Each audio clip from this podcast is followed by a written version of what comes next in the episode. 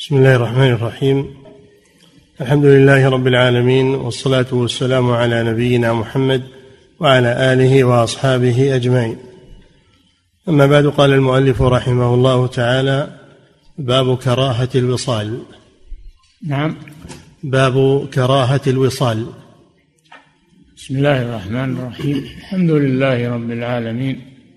صلى الله وسلم على نبينا محمد.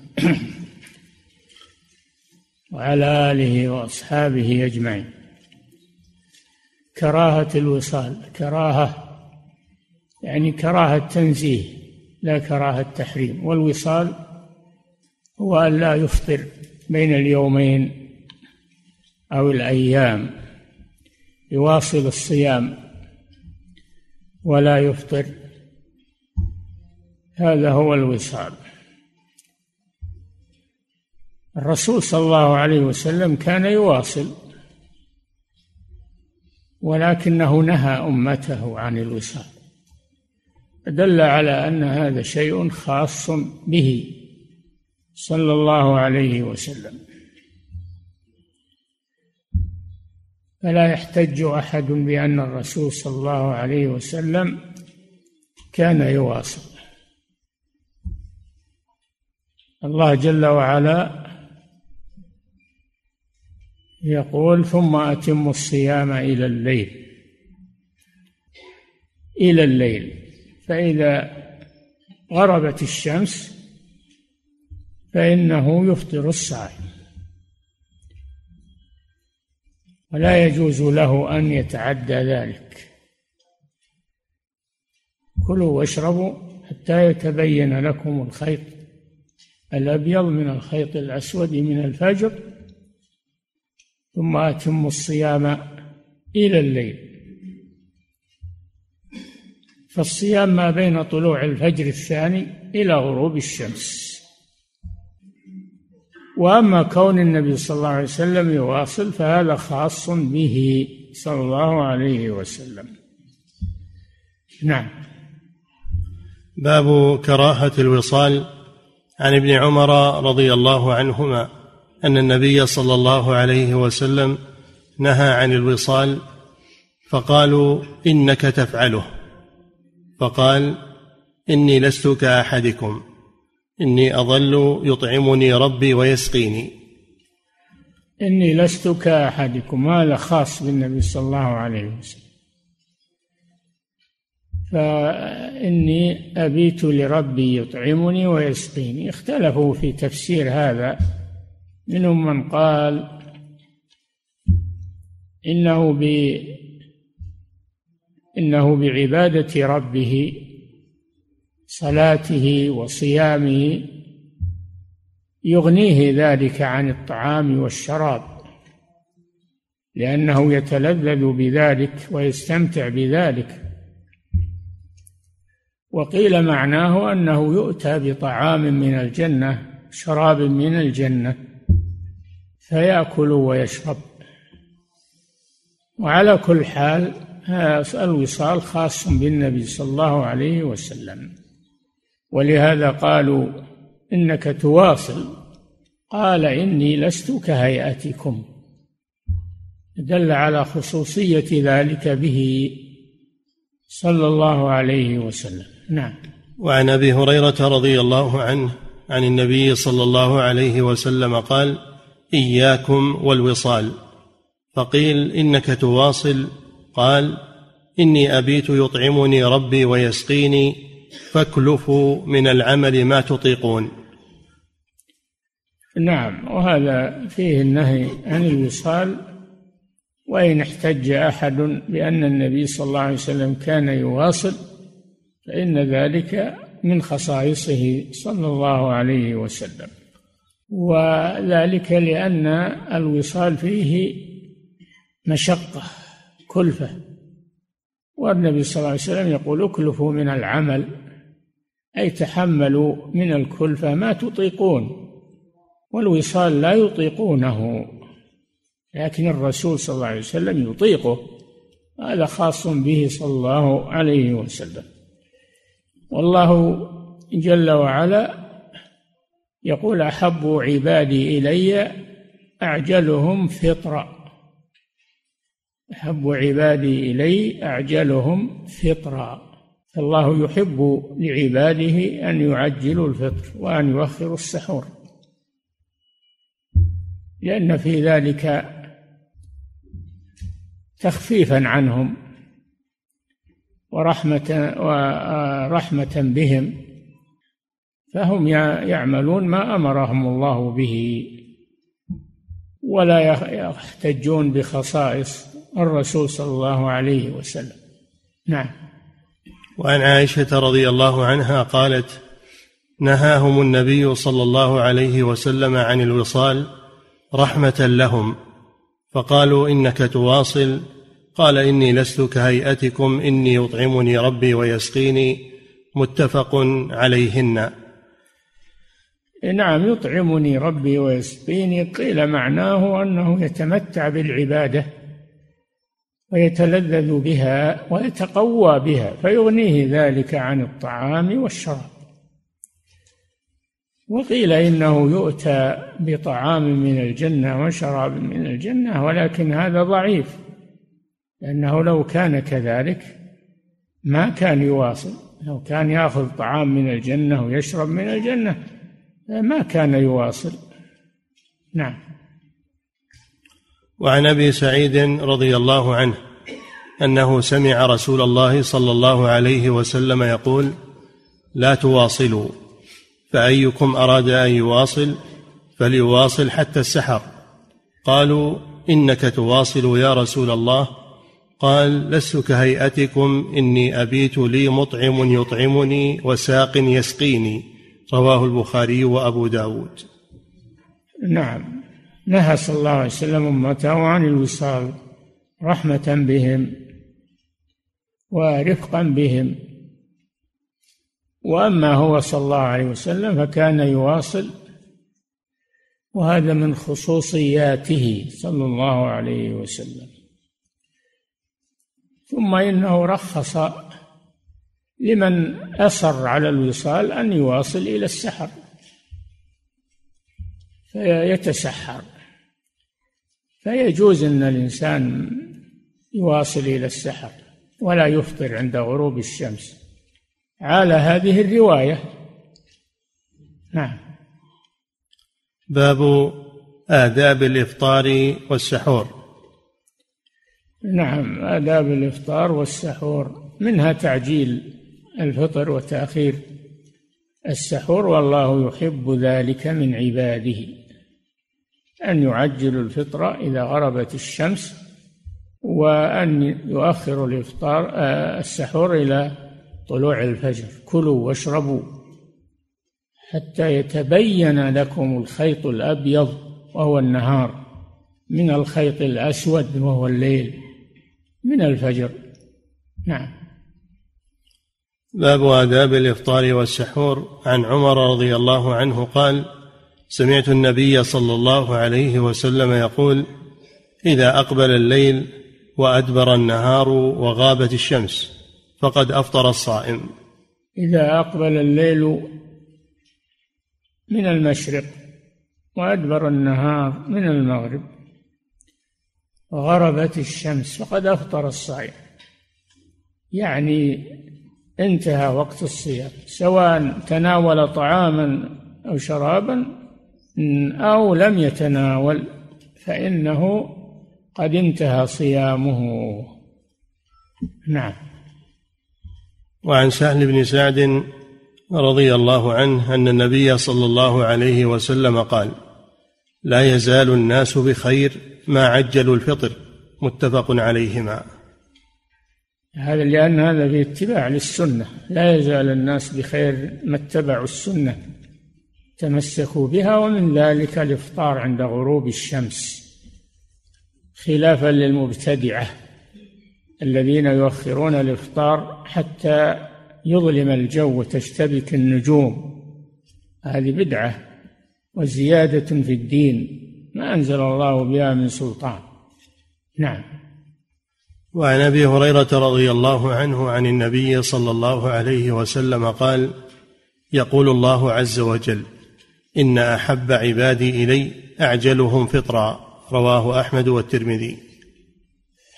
نعم. الله يحب من عباده أن يعجلوا الفطر. إذا غربت الشمس يحب ذلك.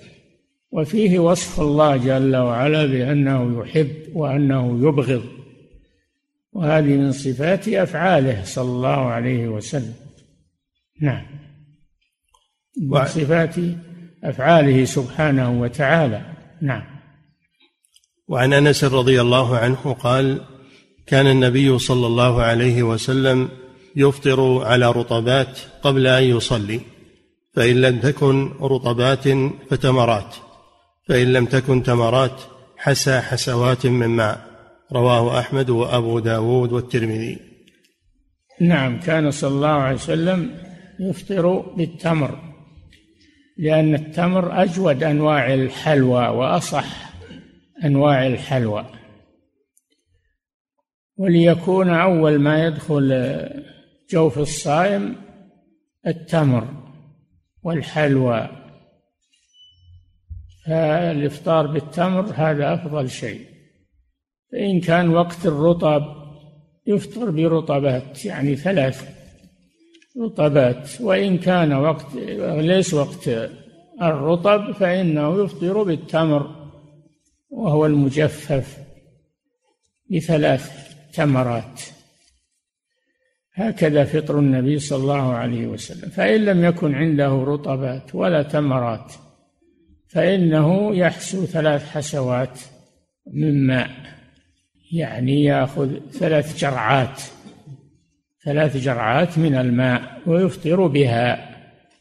يكون أول ما يدخل جوفه الماء. نعم.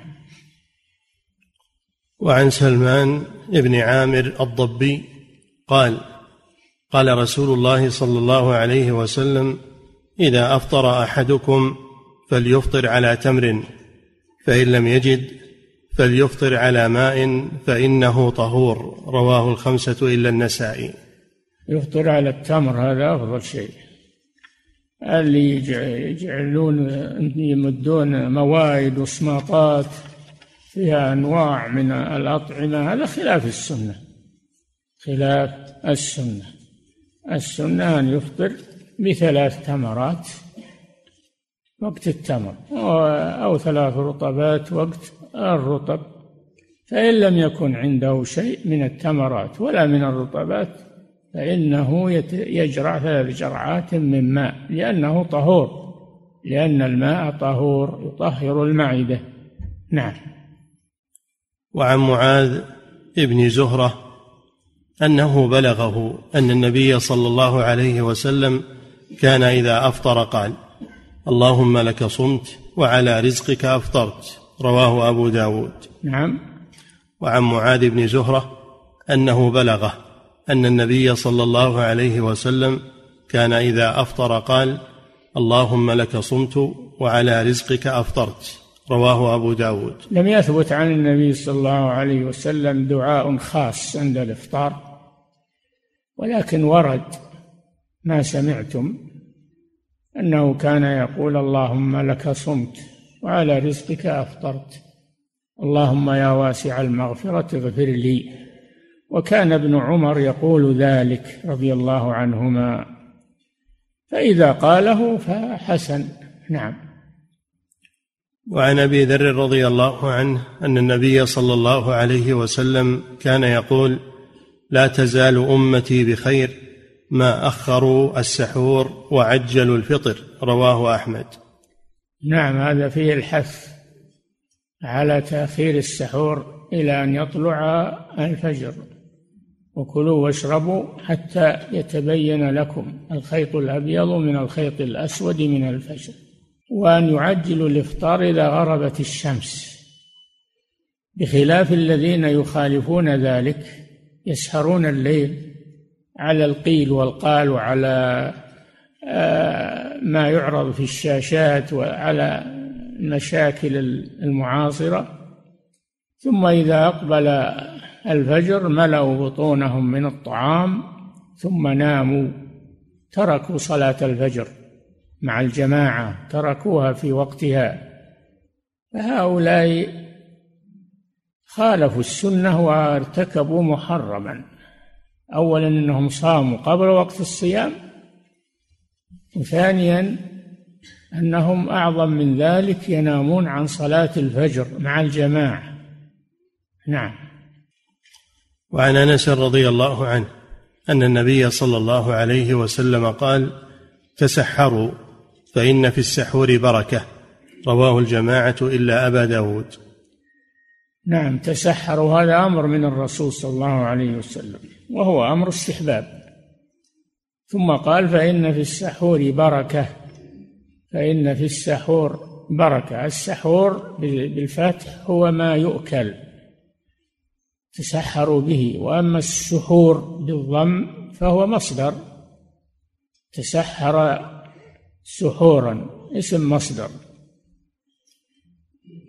والنبي صلى الله عليه وسلم حث على تناول شيء عند بداية الصيام. حث على تناول شيء لأن هذا يقويه على الصيام. وسماه الغداء المبارك لأنه يقوي على الصيام. وقال فيه بركة أيضا. هذا حث على على أكلة السحور بما تيسر. نعم. وعن عمرو بن العاص رضي الله عنه قال قال رسول الله صلى الله عليه وسلم إن فصل ما بين صيامنا وصيام أهل الكتاب أكلة السحر. رواه الجماعة إلا البخاري وابن ماجه. نعم نحن مأمورون بمخالفة أهل الكتاب اليهود والنصارى. ومن ذلك مخالفتهم في صفة الصيام. هم يصومون هم يصومون ويصلون صلاة. على دينهم. نحن نخالفهم. فنصلي كما صلى الرسول صلى الله عليه وسلم ونفطر ونتسحر كما كان النبي صلى الله عليه وسلم يتسحر في الوقت الذي تسحر فيه صلى الله عليه وسلم. نعم. أبواب ما يبيح الفطر وأحكام القضاء. باب ما يبيح الفطر. الله جل وعلا يقول فمن شهد منكم الشهر يعني حضر حضر دخول الشهر فليصمه. ومن كان مريضا أو على سفر فعدة من أيام أخر. الذي يدخل عليه الشهر وهو مسافر أو يسافر في أثناء الشهر أو يدخل عليه الشهر وهو مريض. أو يصيبه المرض في أثناء الشهر يفطر. يفطر للسفر ويفطر للمرض. وهذا أحب إلى الله من كونه يصوم ويحمل نفسه التعب وهو مسافر أو وهو مريض. هذا أحب إلى الله عز وجل لأن الله يحب أن تؤتى رخصه كما يكره أن تؤتى معصيته سبحانه وتعالى. نعم. أبواب ما يبيح الفطر وأحكام القضاء. يبيح الفطر يبيح الفطر السفر ويبيح الفطر المرض الذي يلحق الصائم معه مشقة. ويبيح الفطر الكبر. إذا كبر الإنسان صار عنده عقله تفكيره لكنه لا يطيق الصيام. فهذا يطعم عن كل يوم مسكينا وعلى الذين يطيقونه فدية طعام مسكين. نعم. أبواب ما يبيح الفطر وأحكام القضاء. باب الفطر في الصوم في السفر. نعم. باب الفطر في الصوم. فطري. باب باب الفطر في الصوم في السفر. يعني إذا سافر وهو صائم يفطر. إذا فارق البنيان يفطر ولا يستمر على صيامه. وبعض العلماء يقول إذا بدأ الصيام في الحضر ثم سافر يكمل هذا اليوم. يكمل هذا اليوم. نعم. عن عائشة رضي الله عنها أن حمزة ابن عمرو الأسلمي رضي الله عنه قال للنبي صلى الله عليه وسلم أأصوم في السفر وكان كثير الصيام. فقال إن شئت فصم وإن شئت فأفطر. رواه الجماعة. أصوم في السفر يعني سفر يعني صوم تطوع لأنه كان كثير الصوم. النبي صلى الله عليه وسلم وسع له قال إن شئت فصم وإن شئت فأفطر. لأن لأن الإفطار رخصة. إن شاء فعلها وإن شاء لم يفعلها. نعم. وعن أبي الدرداء رضي الله عنه قال خرجنا مع رسول الله صلى الله عليه وسلم في شهر رمضان في حر شديد حتى إن كان أحدنا ليضع يده على رأسه من شدة الحر. وما فينا صائم إلا رسول الله صلى الله عليه وسلم وعبد الله بن رواحة.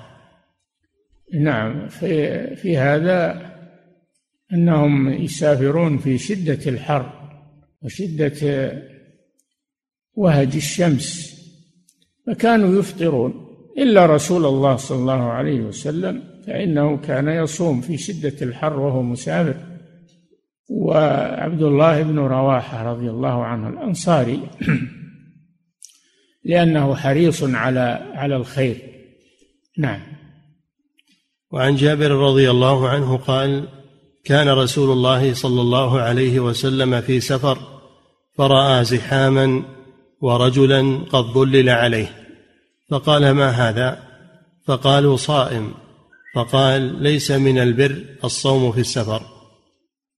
نعم رأى صلى الله عليه وسلم في بعض أسفاره رجلا اجتمع عليه الناس وظلل عليه فسأل عن هذا قالوا هذا صائم.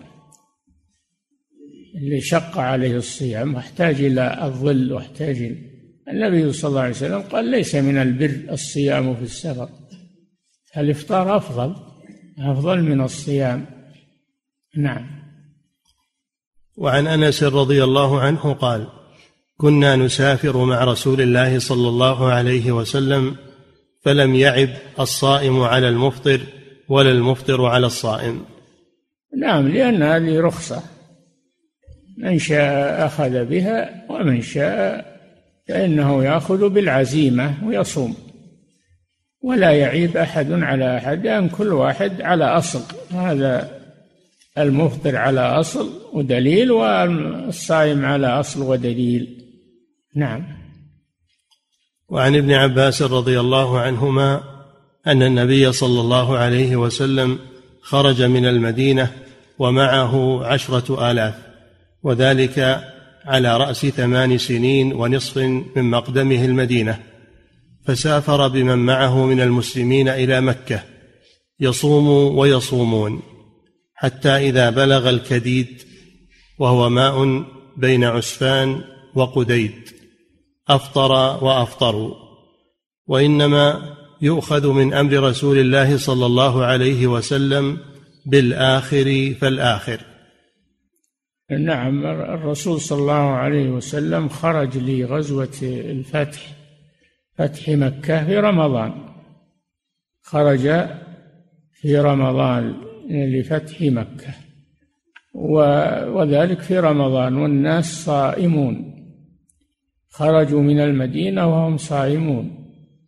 فلما بلغوا الكديد مكان معين أفطر النبي صلى الله عليه وسلم وأفطروا في أثناء النهار. نعم.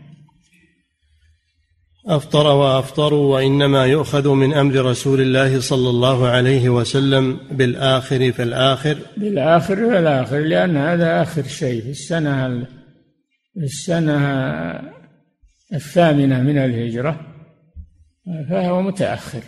نعم. متفق على هذه الأحاديث إلا أن مسلما له معنى حديث ابن عباس من غير ذكر عشرة الآلاف. ولا تاريخ الخروج. عشرة الآلاف اللي هم غزوا خرجوا لفتح مكة مع النبي صلى الله عليه وسلم. نعم. وعن حمزة ابن عمرو الأسلمي أنه قال يا رسول الله أجد مني قوة على الصوم في السفر فهل علي جناح؟ فقال هي رخص هي رخصة من الله تعالى فمن أخذ بها فحسن ومن أحب أن يصوم فلا جناح عليه. رواه مسلم والنسائي. نعم. آه، الإفطار في السفر رخصة من الله عز وجل والصيام عزيمة. فمن أخذ بالرخصة فهو أفضل لأن الله يحب أن تؤتى رخصه. ومن أخذ بالعزيمة وصام فلا بأس بذلك. نعم. هي رخصة من الله تعالى فمن أخذ بها فحسن ومن أحب أن يصوم فلا جناح عليه رواه مسلم والنسائي وهو قوي الدلالة على فضيلة الفطر. نعم. فلا جناح يعني فلا إثم عليه. قال المصنف وهو يعني هذا الحديث قوي الدلالة على أن الإفطار أفضل. أفضل من الصيام في السفر. نعم. هي رخصة من الله تعالى فمن أخذ بها فحسن ومن أحب أن يصوم فلا جناح عليه. لأنه لأنه لأنه وصف الرخصة بأن الأخذ بها حسن. وأما الصيام فقال لا جناح عليه. دل على أن الإفطار أفضل. نعم. وهو قوي, وهو قوي الدلالة على فضيلة الفطر.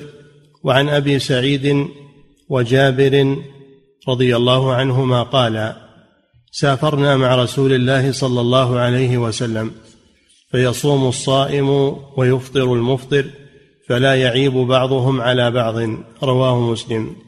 نعم لأن من صام فقد أخذ بالأصل والعزيمة ومن أفطر فقد أخذ بالرخصة وكلاهما مشروع فلا يعيب بعضهم على بعض. هذا فيه دليل على أن إذا حصل اختلاف بين العلماء أو بين الذين يحبون الأجر أو يحبون بيان الرخص أنه لا بأس بذلك ولا يعيب أحد على أحد. نعم. كل على أصل.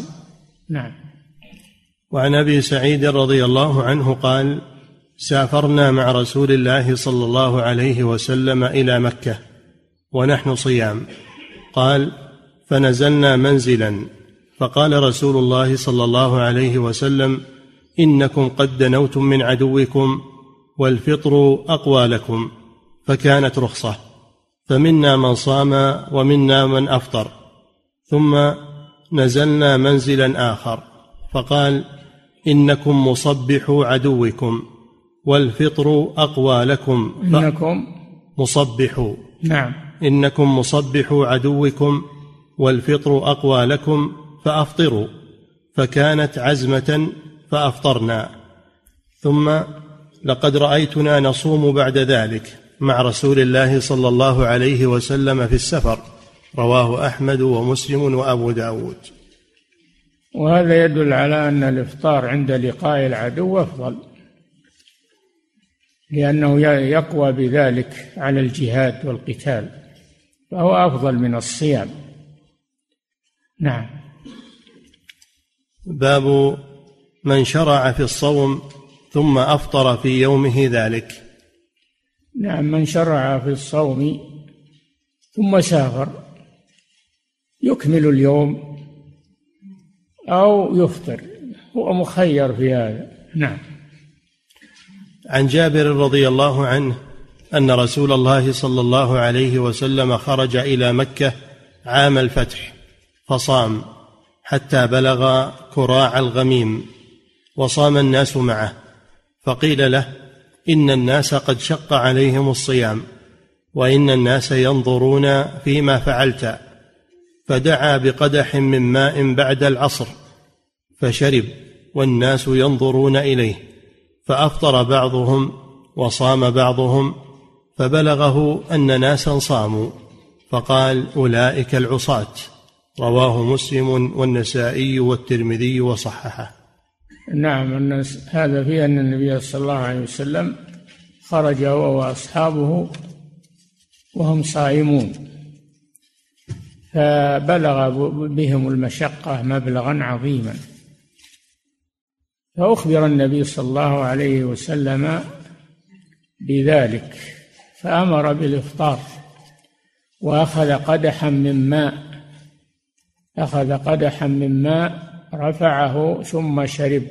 صلى الله عليه وسلم والناس ينظرون إليه ليتأكدوا أنه مفطر.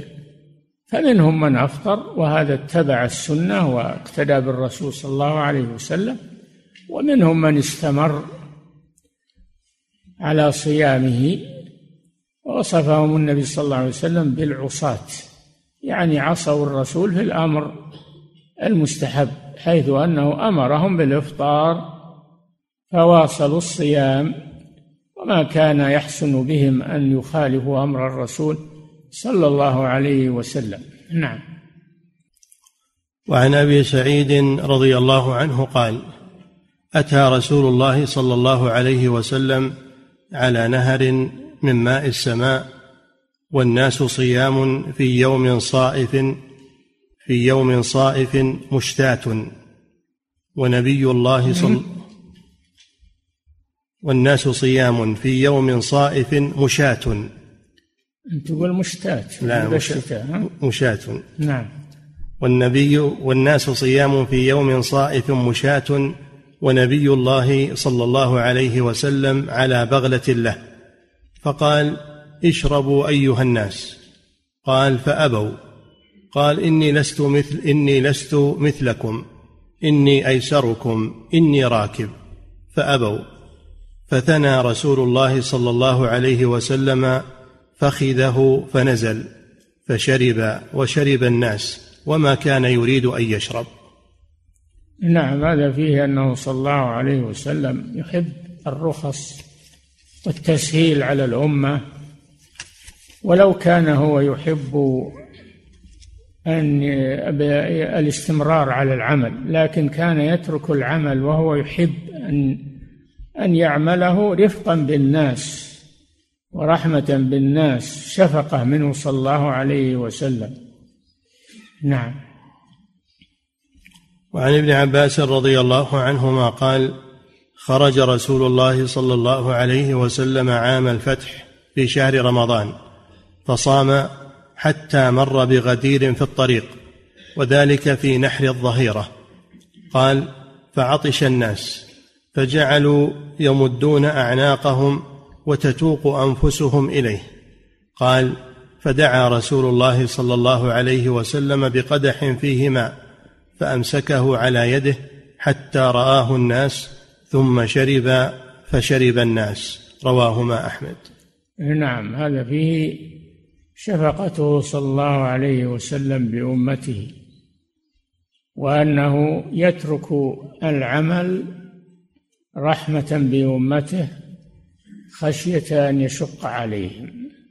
ترك إكمال الصيام في هذا اليوم رحمة بالناس. من أجل أن يفطروا. ودينه دين اليسر والسماحة والسهولة والحمد لله. نعم. باب من سافر في أثناء يوم هل يفطر فيه ومتى يفطر؟ نعم إذا بدأ الصيام في البلد ثم سافر في أثناء النهار هل يكمل هذا اليوم أو يفطر؟ هذا له احتمالان والعلماء مختلفون في هذا منهم من يقول يكمل اليوم ومنهم من يقول يفطر. نعم. عن ابن عباس باب من سافر في أثناء يوم هل يفطر فيه ومتى يفطر؟ عن ابن عباس رضي الله عنهما قال خرج رسول الله صلى الله عليه وسلم في رمضان إلى حنين والناس مختلفون فصائم ومفطر. فلما استوى على راحلته دعا بإناء من لبن أو ماء فوضعه على راحلته أو راحته ثم نظر الناس فقال المفطرون للصوام أفطروا. رواه البخاري. نعم كما سبق أن النبي صلى الله عليه وسلم كان يحب التسهيل على أمته. ومن ذلك الإفطار في السفر حتى ولو بدأ صيام اليوم ثم سافر في أثنائه فإنه يفطر لأن هذا أيسر له وأسهل عليه من الاستمرار على الصيام. نعم. قال شيخنا عبد الرزاق ابن عبد القادر صوابه صوابه خيبر أو مكة لا لأنه حنين ما خرج إليها في رمضان خرج إليها في شعب في شوال بعد فتح مكة. فقوله أنه خرج إلى حنين صوابه إلى خيبر. فتصحف على الراوي خيبر تصحف عليه إلى حنين لأن الرسمة واحدة وإنما يختلف التنقيط نعم. قال شيخنا عبد الرزاق ابن عبد القادر صوابه خيبر أو مكة لأنه قصدهما في هذا الشهر فأما حنين فكانت بعد الفتح بأربعين ليلة. نعم خيبر حنين بعد الفتح بعد فتح مكة بأربعين ليلة لأن هوازن لما بلغهم أن رسول الله صلى الله عليه وسلم استولى على مكة وانهزمت قريش أهمهم ذلك وأرادوا أن أن يغزوا رسول الله صلى الله عليه وسلم. فالرسول بادرهم وخرج إليهم صلى الله عليه وسلم في غزوة حنين قبل أن يأتوا إليه. بادرهم بالخروج إليهم. نعم. وعن وعن محمد بن كعب قال أتيت أنس بن مالك في رمضان وهو يريد سفرا وقد رحلت له راحلته ولبس ثياب السفر فدعا بطعام فأكل فقلت له سنة فقال سنة ثم ركب رواه الترمذي. نعم وعن محمد بن كعب قال أتيت أنس بن مالك في رمضان وهو يريد سفرا. في رمضان نعم. في رمضان وهو يريد سفرا وقد رحلت له راحلته ولبس ثياب السفر فدعا بطعام فأكل فقلت له سنة فقال سنة ثم ركب. رواه الترمذي. هذا أنس بن مالك خادم رسول الله. صلى الله عليه وسلم. لما أراد أن يسافر في في يوم من أيام رمضان وهو صائم ولما أراد الركوب دعا بماء فأفطر قبل ركوبه. سئل عن هذا. أهذا السنة؟ يعني سنة الرسول صلى الله عليه وسلم؟ قال سنة. نعم. وعن عبيد بن جبر قال ركبت مع أبي بصرة الغفاري. بصرة. سم. بصرة بصرة. وعن عبيد بن جبر قال ركبت مع أبي بصرة الغفاري في سفينة من الفسطاط في رمضان فدفع ثم قرب غداءه ثم قال اقترب. فقلت ألست؟ فقلت ألست بين البيوت؟ فقال أبو بصرة أرغبت عن سنة رسول الله صلى الله عليه وسلم رواه أحمد وأبو داود. الفسطاط في مصر وأراد أن يسافر من الفسطاط إلى إيه؟ ما ذكر شيء.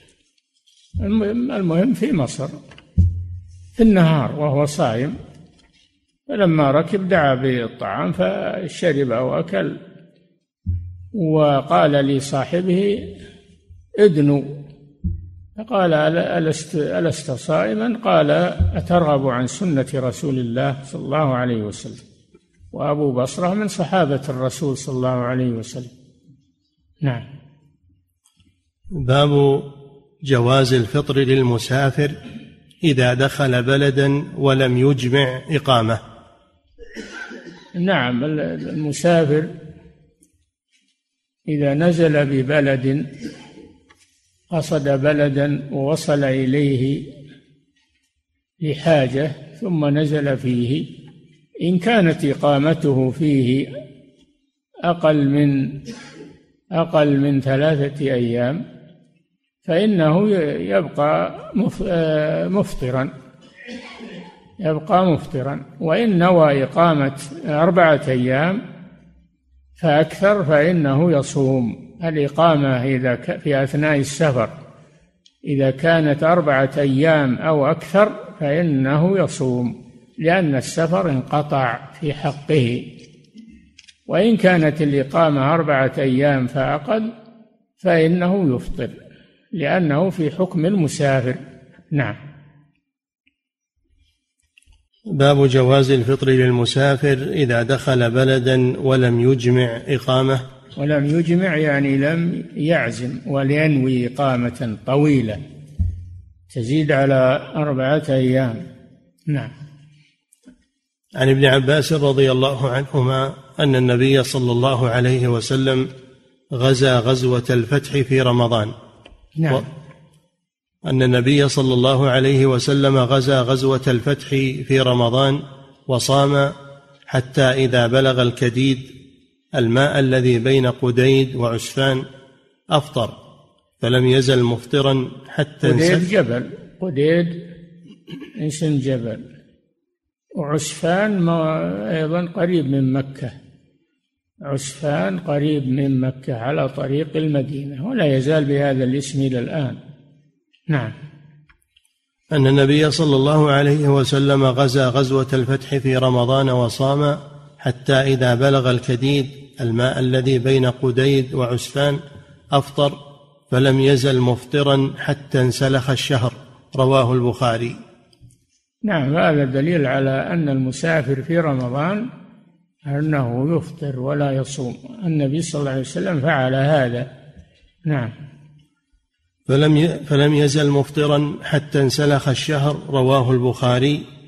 ووجه الحجة منه أن الفتح كان لعشر بقين من رمضان. فتح مكة نعم. ووجه الحجة منه أن الفتح كان لعشر بعشر بقين من رمضان. هكذا جاء في حديث متفق عليه. نعم عشر بقينا من رمضان. يعني في العشر الأواخر. في العشر الأواخر. وهو نوى إقامة في مكة وما زال مفطرا. نعم. باب ما جاء في المريض والشيخ والشيخة والحامل والمرضع. يكفي.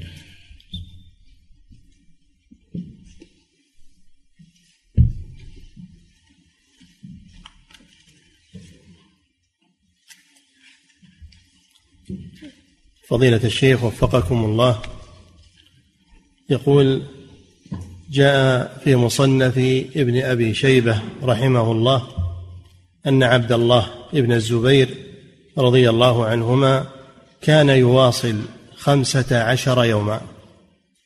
فهل يصح ذلك عنه؟ نعم الله أعلم. لكن عبد الله بن الزبير رضي الله عنهما كان عنده قوة على العبادة. كان يطيل القيام في الليل حتى إنه كان يشرب آه، بعض الأحيان من طول القيام.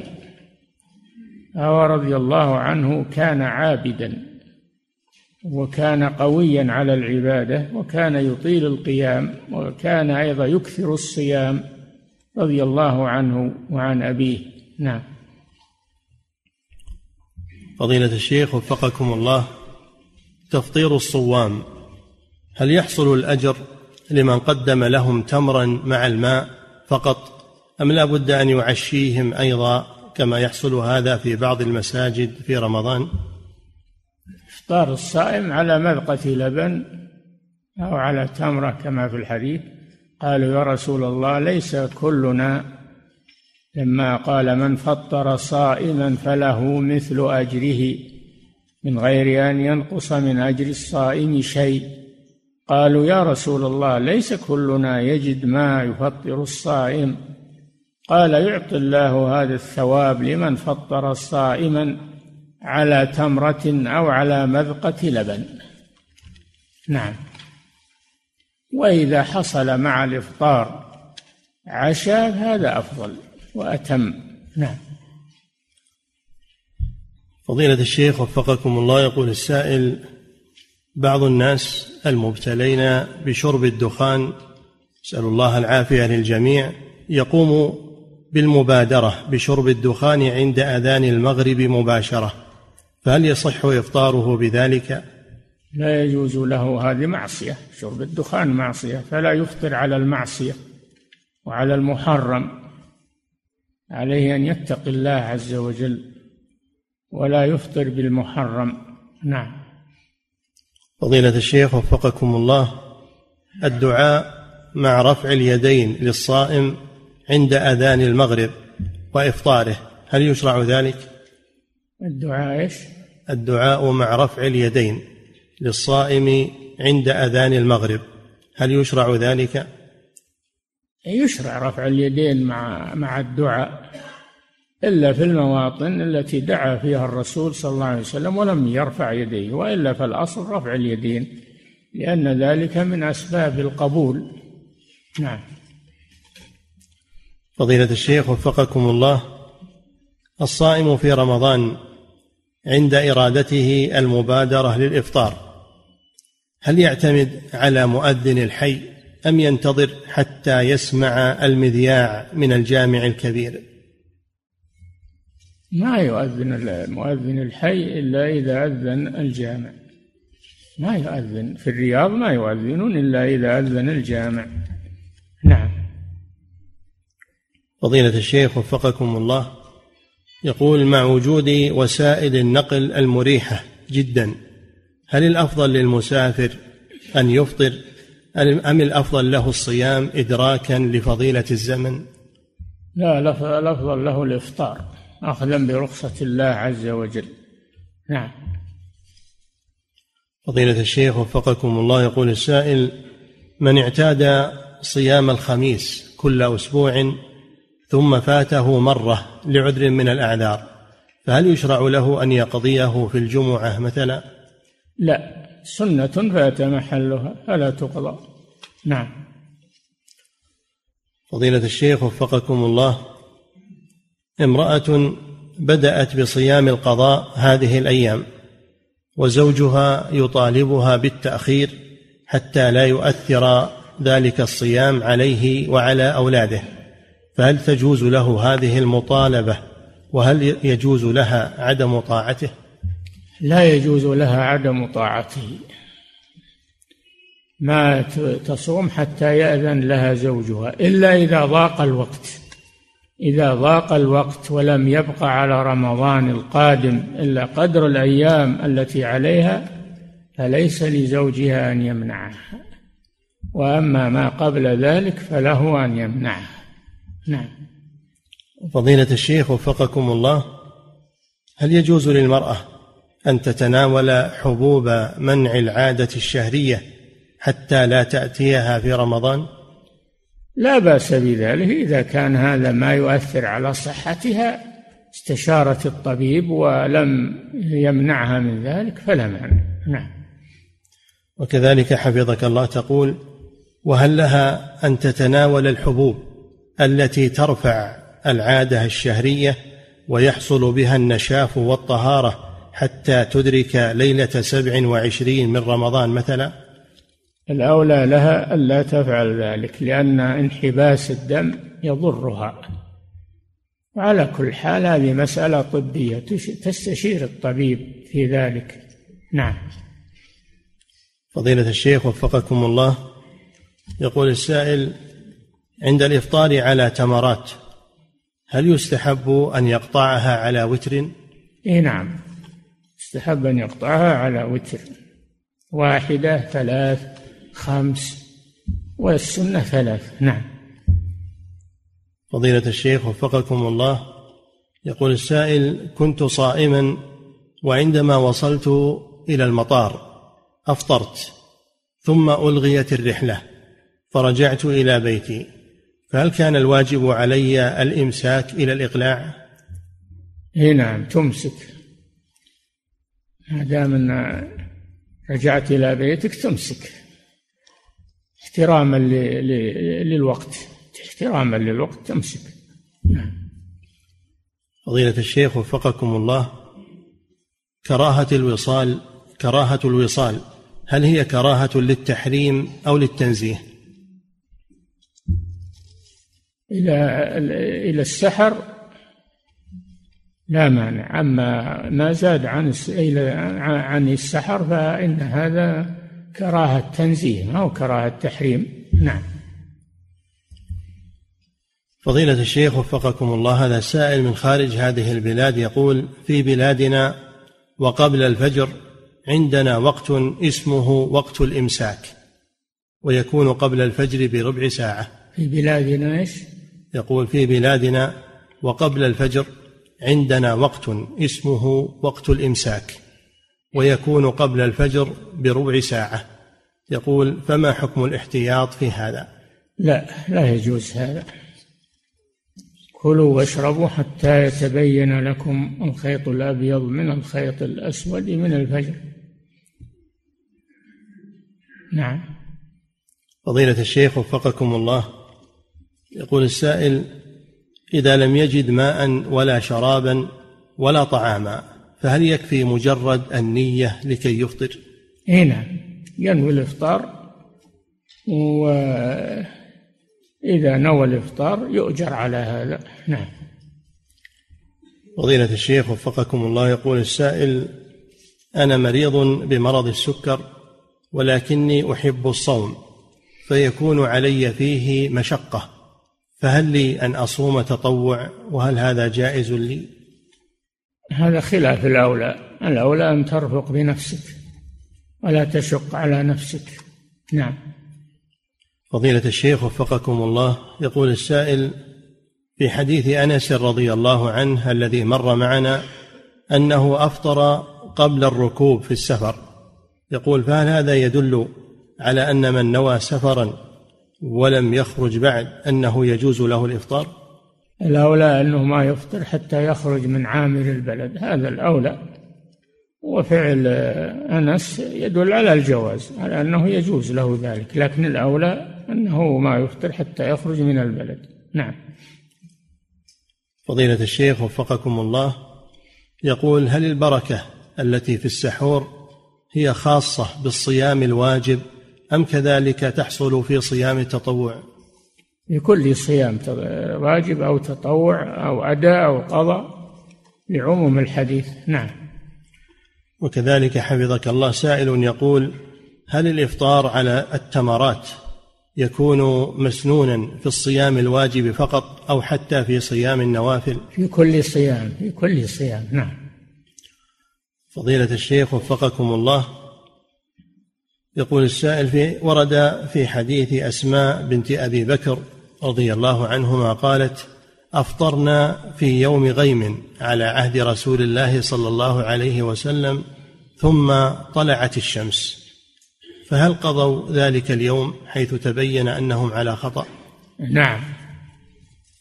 لما سئل الراوي أقضيتم ذلك اليوم؟ قال أو بد من القضاء. لا بد من القضاء لأنهم ما أكملوا اليوم. نعم. فضيلة الشيخ وفقكم الله هذا سائل يقول عندنا في بلدنا يؤخر الإفطار لمدة عشر دقائق بعد غروب الشمس من باب الاحتياط. يقول فهل لهذا دليل؟ لا هذا خلاف السنة. هذا خلاف السنة. نعم. فضيلة الشيخ وفقكم الله. والإحتياط هو الأخذ بالسنة. هذا هو الاحتياط. نعم. فضيلة الشيخ وفقكم الله يقول ذكرتم حفظكم الله أن بعض العلماء قد قال إذا صام الرجل في الحضر ثم سافر في نهار هذا اليوم فإنه يكمل هذا اليوم. يقول ومر معنا أن النبي صلى الله عليه وسلم خرج صائما ثم أفطر في أثناء اليوم فهل هذا فيه رد على من قال بالقول السابق؟ ما قلنا يجب عليه. نقول الأولى له أنه يفطر ولو استمر على الصيام وأكمل يومه فلا بأس. نعم. فضيلة الشيخ وفقكم الله يقول السائل في هذه المسألة وهي مسألة الإفطار في الصوم الإفطار في السفر أو الصوم في السفر هل يقال بأنها من المسائل التي لا ينكر فيها على من فعل شيئا من ذلك؟ نعم. لا ينكر الصائم على المفطر ولا المفطر على الصائم.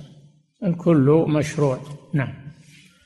فضيلة الشيخ وفقكم الله الفطر لأجل الجهاد هل يشترط له السفر؟ فلو كان مقيما في بلده وكان القتال داخل البلد فهل له أن يفطر؟ نعم إذا كان حاصر البلد عدو يخشى هجومه على البلد فلا فلا المقاتلين أن يفطروا وهم في البلد ليدافعوا عن بلدهم وعن حرماتهم. نعم. فضيلة الشيخ وفقكم الله يقول أنا أصوم صيام داود عليه السلام فإذا سافرت فما الأفضل لي؟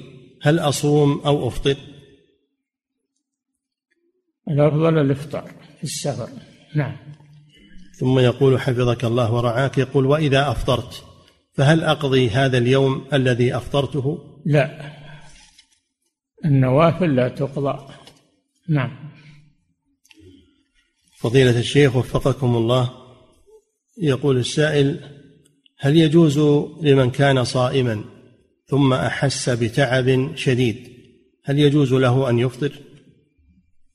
إذا خشي على نفسه إذا خشي على نفسه فإنه يفطر. أما إذا لم يخشى على نفسه فإنه يكمل الصيام. نعم. فضيلة الشيخ وفقكم الله في حديث أنس رضي الله عنه أنه قد رحلت له راحلته ولبس ثياب السفر.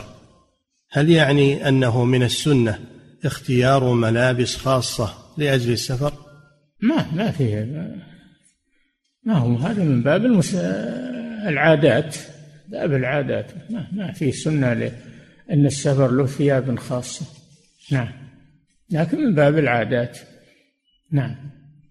أنت رايح تزين وتلبس ثياب العيد لأجل السفر. نعم. فضيلة الشيخ وفقكم الله يقول السائل مذهب الظاهرية هل هو مذهب فقهي يعتمد عليه؟ مذهب الظاهرية اللي يأخذون بظواهر الحديث ولا يقولون بالقياس. ما يقولون بالقياس ينكرون القياس. هذا مذهب الظاهرية وهو مذهب فقهي معتبر. نعم. فضيلة الشيخ وفقكم الله يقول السائل ما الحكم في رجل يصوم شهر رمضان كاملا لكنه لا يصلي؟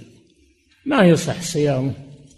إذا كان لا يصلي لا يصح له عمل لا صيام ولا غيره ولا حول ولا قوة إلا بالله. نعم.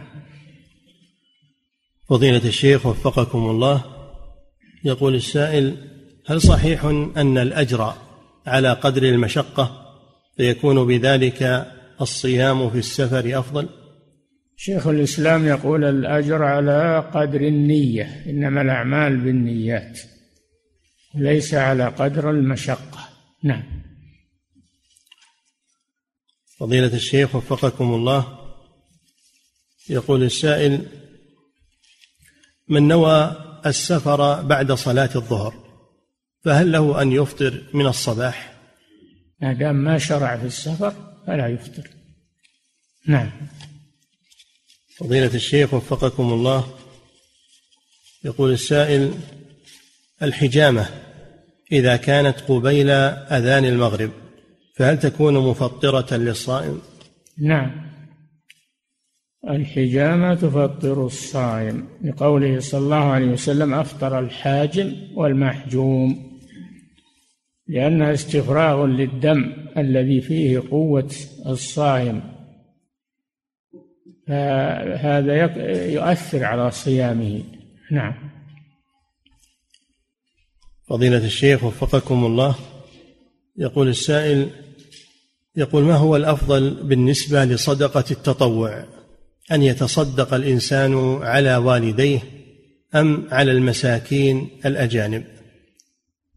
الصدقة على القريب المحتاج أفضل يعني صدقتين صلة وصدقة.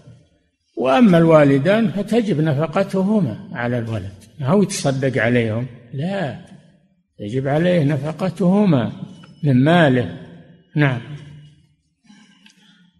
فضيلة الشيخ وفقكم الله يقول السائل رجل تم إيقاظه لصلاة الفجر لكنه تهاون ولم يقم حتى طلعت الشمس. السؤال هل يصلي بعد طلوع الشمس أم أنها قد فاتته فلا يقضيها؟ ما فاتته يصلي. يصلي ويتوب إلى الله عز وجل. يبادر بالصلاة ولا يؤخرها حتى ترتفع الشمس. لا يبادر بها.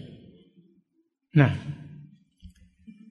فضيلة الشيخ وفقكم الله من اغتسل غسلا شرعيا كغسل من الجنابة أو غسل الجمعة فهل يغنيه عن الوضوء؟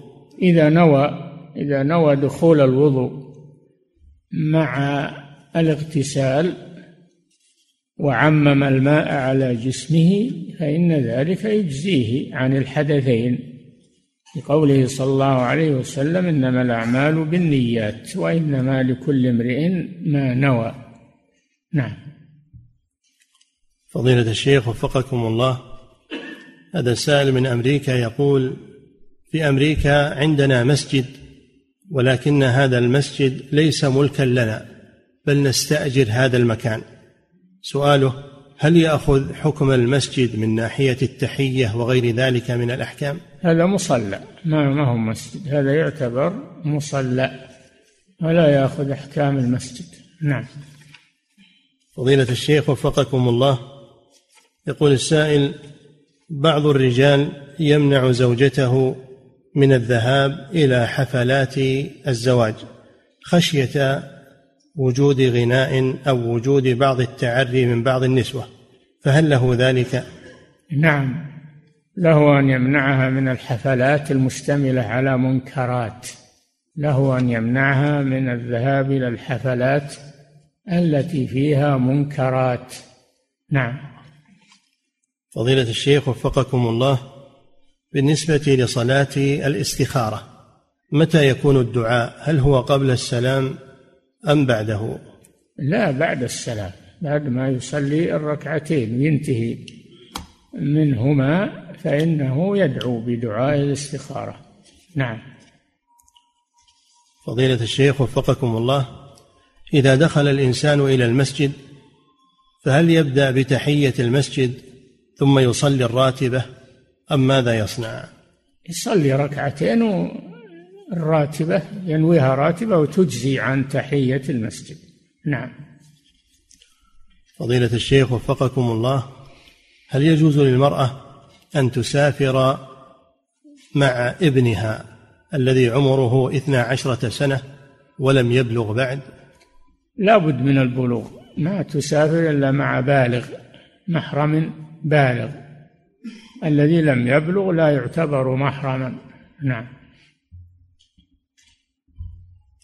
حفظك الله هذا صاحب سيارة من نوع يارس مغلق على السيارات مكتوب عليها مكتب النسيم. فضيلة الشيخ وفقكم الله. هذه امرأة تسأل فتقول أنا طالبة علم وأحضر إلى دروس العلم في المسجد.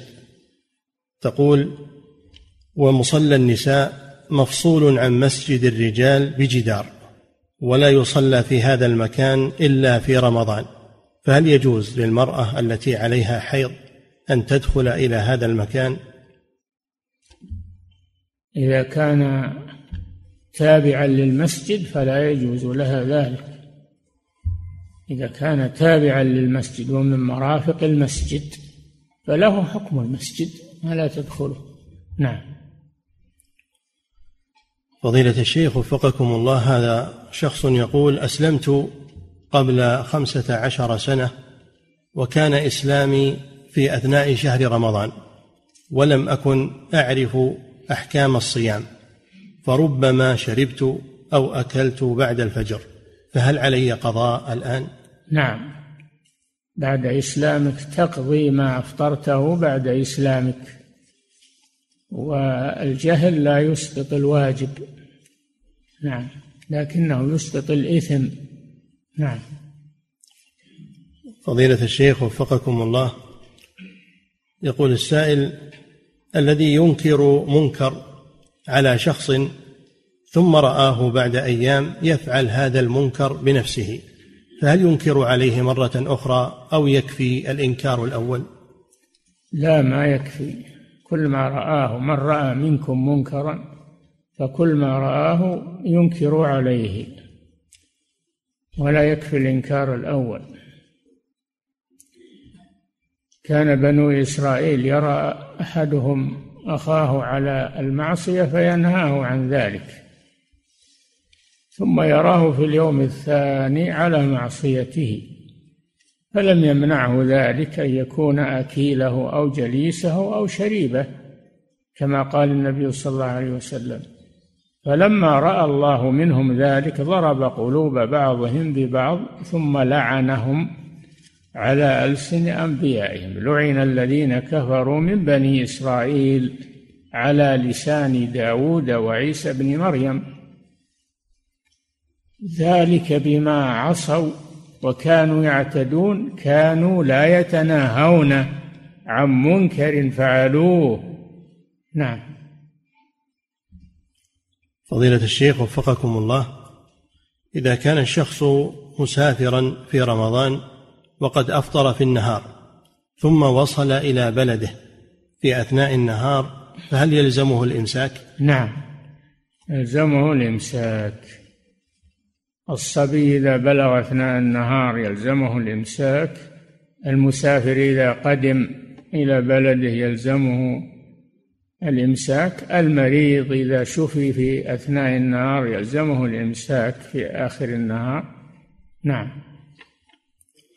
فضيلة الشيخ وفقكم الله هذا سائل من خارج هذه البلاد يقول أحد معارفنا توفي وقد كان لا يصلي. ودفن في مقابر المسلمين هناك. سؤاله هل يحق لي أن أخرجه من قبره وأدفنه وأدفنه في مكان آخر؟ أبد لست بملزم في هذا. اتركه والله أعلم بحاله. نعم. فضيلة الشيخ وفقكم الله ما الحكم في من يؤلف في من يؤلف في الفتنة التي جرت بين الصحابة بحجة أن المراجع التي يرجع إليها الناس الآن هي مليئة بالكذب على الصحابة الكرام فيريد أن يصحح المعلومات.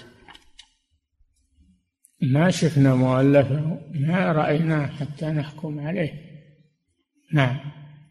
ولكن القاعدة والتي عليها أهل السنة والجماعة الكف والسكوت عما جرى بين الصحابة وألا يدخل فيه. نعم. فضيلة الشيخ وفقكم الله يقول السائل إذا كان عندي ضيوف في البيت وجاء وقت صلاة العصر وهم جالسين نعم إذا كان عندي ضيوف في البيت وجاء وقت صلاة العصر وهم جالسين جالسين وهم جالسون وأنا أريد أن أخرج إلى الصلاة فقلت لهم لنذهب إلى الصلاة فلم يخرجوا هل تبرأ ذمتي بذلك؟ لا ما تبرأ ذمتك بذلك. حتى يخرجوا ويصلوا مع الناس. ولا يبقوا في بيتك. نعم. فضيلة الشيخ وفقكم الله المال الحرام. إلا إن كانوا جمعوا بين الصلاتين جمعوا العصر مع الظهر أو العشاء مع المغرب جمعوا فهم مأذون لهم في ذلك لأنهم صلوا. نعم. فضيلة الشيخ وفقكم الله يقول السائل المال الحرام الذي أصله من الربا هل يجوز دفعه للفقراء والمساكين والتصدق به؟ لا. لا يجوز التصدق بمال حرام ولا ثواب فيه لمن تصدق به. نعم. فضيلة الشيخ وفقكم الله هذا شاب يسأل فيقول لي رفقة بعضهم عنده أفكار متطرفة فهل يجوز لي أن أستمر معهم وبماذا تنصحني؟ إذا كانوا لا يقبلون النصيحة ويتركوا ويتركون ما هم عليه مما ذكرت فلا تجالسهم. نعم. لأنك بلغتهم وأديت النصيحة لهم فلم يمتثلوا. نعم. فضيلة الشيخ وفقكم الله يقول السائل علي كفارات من أيمان متعددة ولا أعلم عددها فماذا أصنع؟ والله إحنا بعد ما ندري وش الكفارات لازم إنك تتأكد منها هذه الكفارات وتؤديها. هي باقية في ذمتك فعليك إنك تتأكد منها وتحتاط إذا صار عندك تردد أو شك في بعضها تحتاط بما يبرئ ذمتك. نعم. فضيلة الشيخ وفقكم الله هذا يقول يقول أبي يأمرني بالإسبال ويشتري لي ثيابا طويلة بحجة أنني أنمو وأطول سريعا. فهل يجوز لي أن أطيعه في ذلك؟ لا يجوز لك لا طاعة لمخلوق في معصية الخالق. لا يجوز لك أنت أن تعمل الإسبال وهو ما نزل عن الكعبين. الإسبال ما نزل عن الكعبين هذا الإسبال. فلا يجوز لك أن تلبسه. نعم. فضيلة الشيخ وفقكم الله يقول السائل هل هذا القول معتبر شرعا؟ وهل من قائل به من أهل العلم؟ وهو أن من استيقظ لصلاة الفجر بعد الأذان ثم غلبته عيناه ونام فإنه لا قضاء عليه لتلك الصلاة ولا تجزئه لو قضى بل تلزمه التوبة فقط. هل هذا قول معتبر؟ هذا من تركها متعمدا. أما من تركها متكاسلا أو من أجل النوم الذي غلبه فيقضيها لا شك. ولا أحد يقول أنه لا يقضيها. نعم. فضيلة الشيخ وفقكم الله شخص أصيب بالسرطان عافانا الله وإياكم فصرف له من الديوان الملكي مئة ألف ريال لأجل أن يعالج في الخارج. يقول ولم ينزل هذا المبلغ في حسابه إلا بعد موته. السؤال ماذا يفعل الورثة بهذا المال؟ هل يعد من الميراث أم عليهم أن يرجعوه؟ يراجعوا الجهة التي أمرت بصرفه ويخبرونهم بوفاة الشخص قبل نزول المبلغ فإذا أمضوه لهم فإنهم يقتسمونه على على الميراث. وأما إذا لم يمضوه لهم فليس لهم فيه شيء. نعم. فضيلة الشيخ وفقكم الله يقول إذا كان الرجل مسافرا في نهار رمضان ثم جامع زوجته في أثناء النهار فهل يكون عليه كفارة بذلك؟ إذا كان إذا كان الرجل مسافرا في نهار رمضان ثم جامع زوجته في أثناء النهار وهو مسافر. وهي مسافرة؟ ما ما يجوز له يجامعها وهي مقيمة يفسد عليها صومه. وهو مقيم أيضا لأنه إذا أقام يلزمه الإمساك ولا يجوز له أخذ المفطرات ومنها الجماع. نعم. فضيلة الشيخ وفقكم الله في حديث عائشة رضي الله عنها أن النبي صلى الله عليه وسلم كان يقبل وهو صائم ويباشر وهو صائم. يقول ما المقصود بالمباشرة في حديثها رضي الله عنها؟ المماسة مماسة جسمه لجسمها مماسة الجسم للجسم هذه المباشرة. نعم. فضيلة الشيخ وفقكم الله يقول السائل ما حكم من يمارس العادة السرية في نهار رمضان وحصل معه الإنزال؟ فهل يفطر بذلك؟ بلا شك يبطل صيامه بذلك. وعليه القضاء مع التوبة إلى الله عز وجل. فعل محرما. نعم. فضيلة الشيخ وفقكم الله يقول السائل إذا نوى المسافر أن يقيم في البلد الذي سافر إليه إذا نوى أن يقيم أربعة أيام فأقل فهل له أن يترخص برخص السفر؟ نعم بإقامة